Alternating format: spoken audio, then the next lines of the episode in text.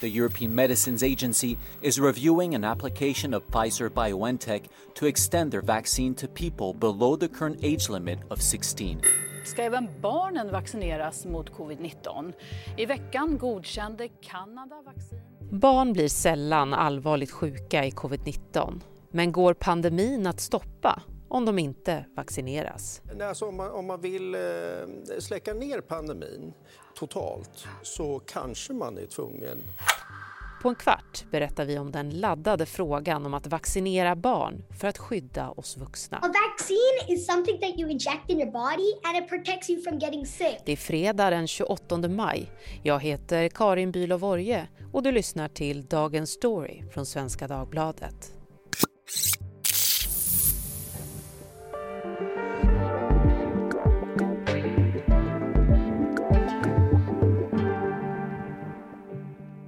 Gunilla von Hall, SVDs korrespondent i Genève.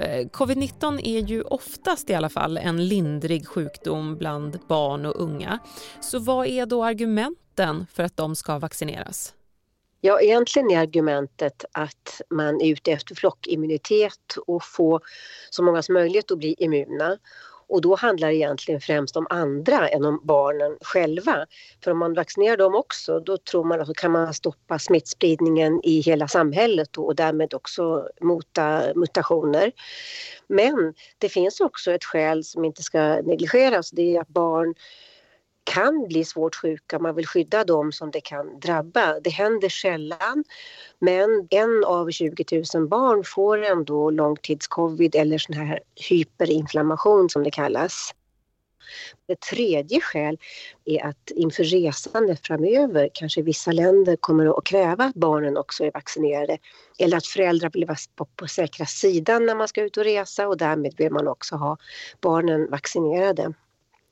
Men man vill då alltså bland annat eh, ja, stoppa pandemin helt enkelt, att smittan inte ska föras vidare via barnen. Men hur smittsamma är då barn i 10-12-årsåldern? De är inte särskilt smittsamma i den åldern. Det är mer när de har gått igenom i början, under och efter puberteten. Det är då de är mest smittsamma uppger forskare då. Så att 10-12-åringar är inte så smittsamma. Men det är väl för att man då vill liksom täppa till alla hål om man kan säga så och försöka undvika att de blir då små smittbomber som går runt. Sen finns ju den här faktorn också att mutationerna, den brittiska, den indiska, där vet man inte riktigt än hur det kan smitta barn, hur långt ner i åldrarna och vad det kan leda till. Fler barn konstateras med covid-19. fler barn har bekräftats ha covid-19. Störst ökningen i åldersgruppen 10 till 19 år. Där... Frågan om coronavaccinering av barn var länge en icke-fråga här i Sverige. Vi var många som pustade ut när Folkhälsomyndigheten tidigt under pandemin konstaterade att barn allt som oftast inte blir allvarligt sjuka i covid-19 och att de inte heller tycks vara smittdrivande i stor utsträckning. Är det verkligen rimligt då att vaccinera dem om vi kanske då inte heller ser att det har någon jättestor nytta för smittspridningen i samhället? Men det har nu förändrats och allt fler smittskyddsexperter menar att även våra barn behöver vaccineras för att verkligen helt kunna stoppa pandemin. Och idag väntas EU godkänna det allra första vaccinet för barn i Europa. Ja, just det. Europeiska läkemedelsmyndigheten EMA som det heter då. De träffas i eftermiddag och de godkänner ju vaccinen de kan användas inom EU. Och nu har det kommit ner på den nivån att man ska besluta om barn ska få då Pfizers vaccin som har testats på barn ner till 12 års ålder. Det har godkänts i USA och i Kanada och nu är det alltså EUs tur och det väntas ett beslut i eftermiddag. Förmodligen kommer det att bli så att man accepterar att det här vaccinet kan användas även för barn från 12 år till 15 år. Precis som du säger, barn har ju redan börjat vaccineras i, i USA och Kanada. Hur kommer det sig att man eh, började så mycket tidigare där? Jag tror att det är för att USA var så extremt drabbat också av pandemin och det blev en sån panik när det verkligen tog fart och flammade upp där. Och då så har man eh, snabbt försökt vaccinera alla så fort som möjligt och man har haft tillgång till vaccin, Pfizer och Moderna främst. Och sen så har man velat gå ner i åldrarna för att få kontroll över pandemin. Det har blivit en sån, en sån paniksituation i USA och så har man haft vaccin. Och så har man gjort en studie på barn som, tror att, som pekar på att det inte finns några allvarliga biverkningar. So yes, kids 12 to 15, uh, time to roll up your sleeves. Men Gunilla, betyder grönt ljus i EU att vaccin för barn omedelbart kommer på automatik godkännas i Sverige? Nej, grönt ljus i EMA betyder inte att vaccinet kommer att börja användas i Sverige omedelbart. För först kommer ju Folkhälsomyndigheten att ta ställning till det här. Ska man rekommendera det här till barn eller ska man bara säga att det är möjligt men man rekommenderar det inte i dagsläget. Här kommer man då att vilja lyssna på Barnläkarföreningen, Svenska Barnläkarföreningen och deras uppfattning. Det är möjligt att Folkhälsomyndigheten säger att det finns en chans att ge vaccinet men bara till riskgrupper och det rekommenderas inte allmänt i dagsläget.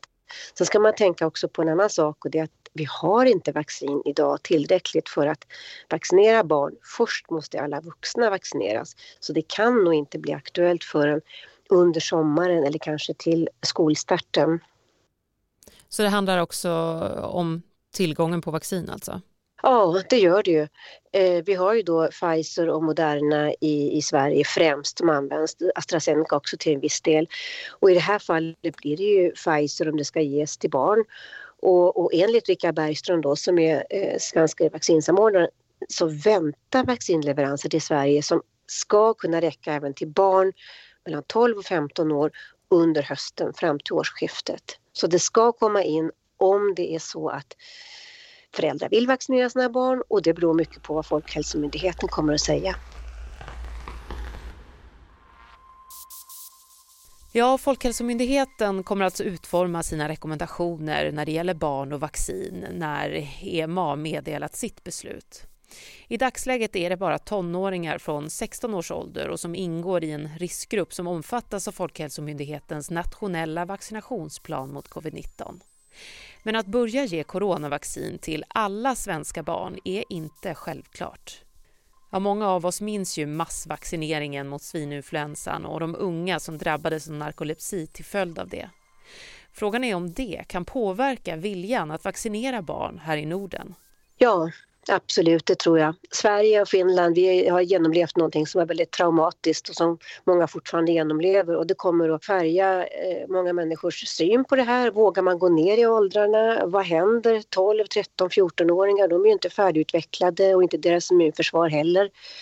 Som du säger, vi såg vad som hände med svininfluensan eh, och narkolepsi.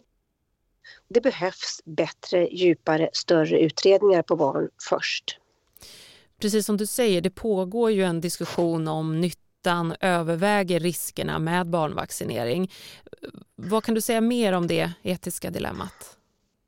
Det är svårt. Det här är en jätteknepig fråga för att om man ser på det här som att barn ska vaccineras för andra så är ju det eh, väldigt, det är väldigt svårt att använda det som argument för att vaccinera barn. Barn ska ju vaccineras för sin egen skull. Barnen ska stå i centrum.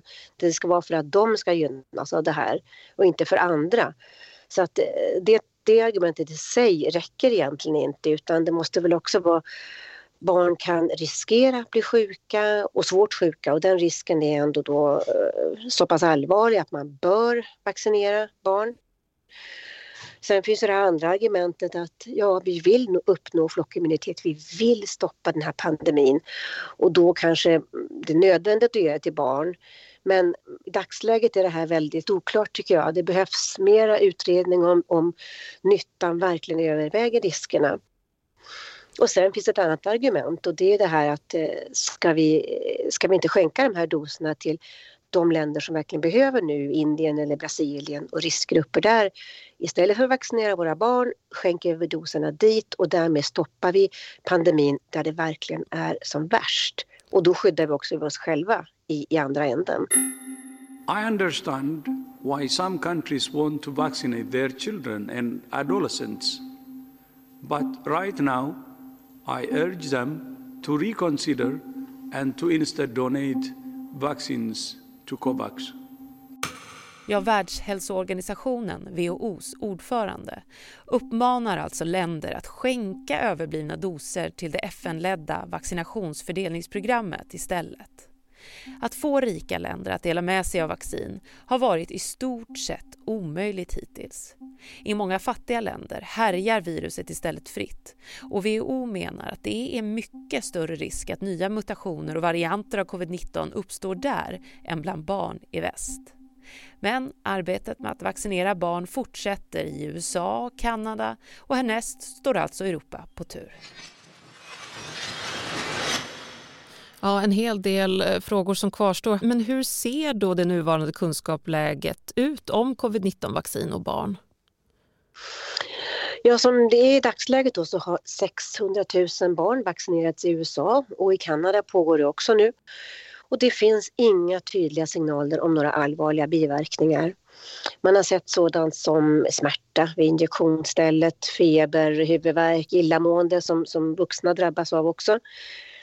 Så att hittills ser det, ser det lovande ut men den här uppföljningstiden är ju väldigt kort. Det här har ju börjat vaccineras de senaste veckorna bara.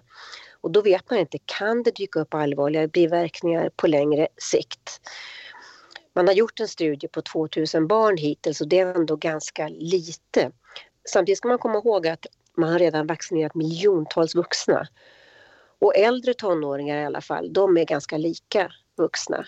Så att det mesta pekar på att det är säkert men vi kan inte garantera det i dagsläget.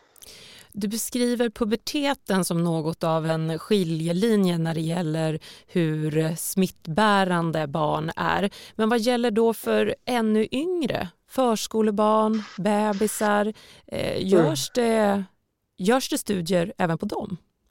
De forskare jag har pratat med menar att det här kan nog bli aktuellt även ner till spädbarnsåldern, alltså nyfödda, som man testar och kanske vill då vaccinera. Men då måste det göras mycket större studier.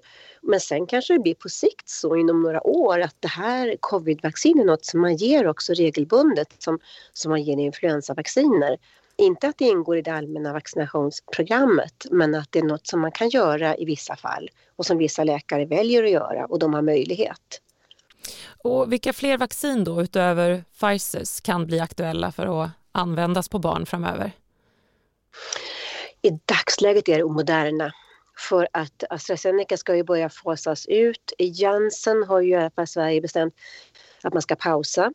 Så att det som ligger i fatet nu det är Pfizer och så är det Moderna och med Pfizer kommer det komma in eh, miljontals mer doser under hösten. Så blir det aktuellt för barn så blir det nog Pfizer i så fall.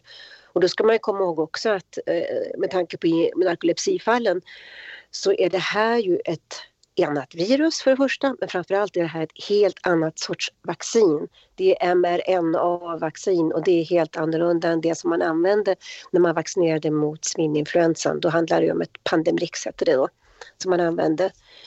Så att eh, med mRNA-vaccinen finns det i dagsläget inte några tecken på några väldigt svåra biverkningar.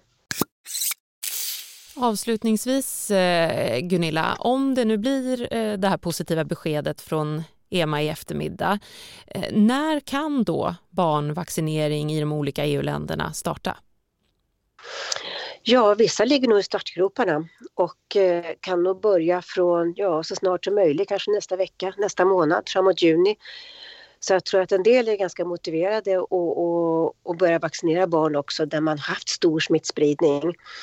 Medan man i Sverige då nog kommer att vänta och det kanske är bra att vi inte går ut först i det här läget utan att vi ser vad som händer också i andra europeiska länder och då är klart det kan ju bli en diskussion. Så Italien vaccinerar barn, Spanien, Storbritannien, Tyskland men inte Sverige och då kommer det väckas frågor varför och varför väntar vi? Och de länderna kommer fråga sig varför Sverige inte gör det. Så att eh, vi får nog vänta oss en ganska stor debatt om det här covid-vaccin för barn, tror jag. Tack Gunilla von Hall för att du var med i Dagens Story. Tack.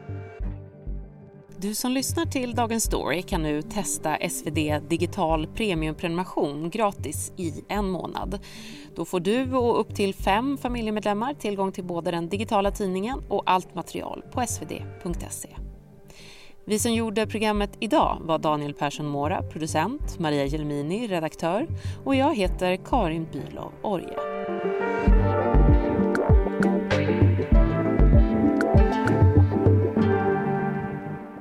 Dagens story från Svenska Dagbladet. Ett ämne, en kvart, varje vardag.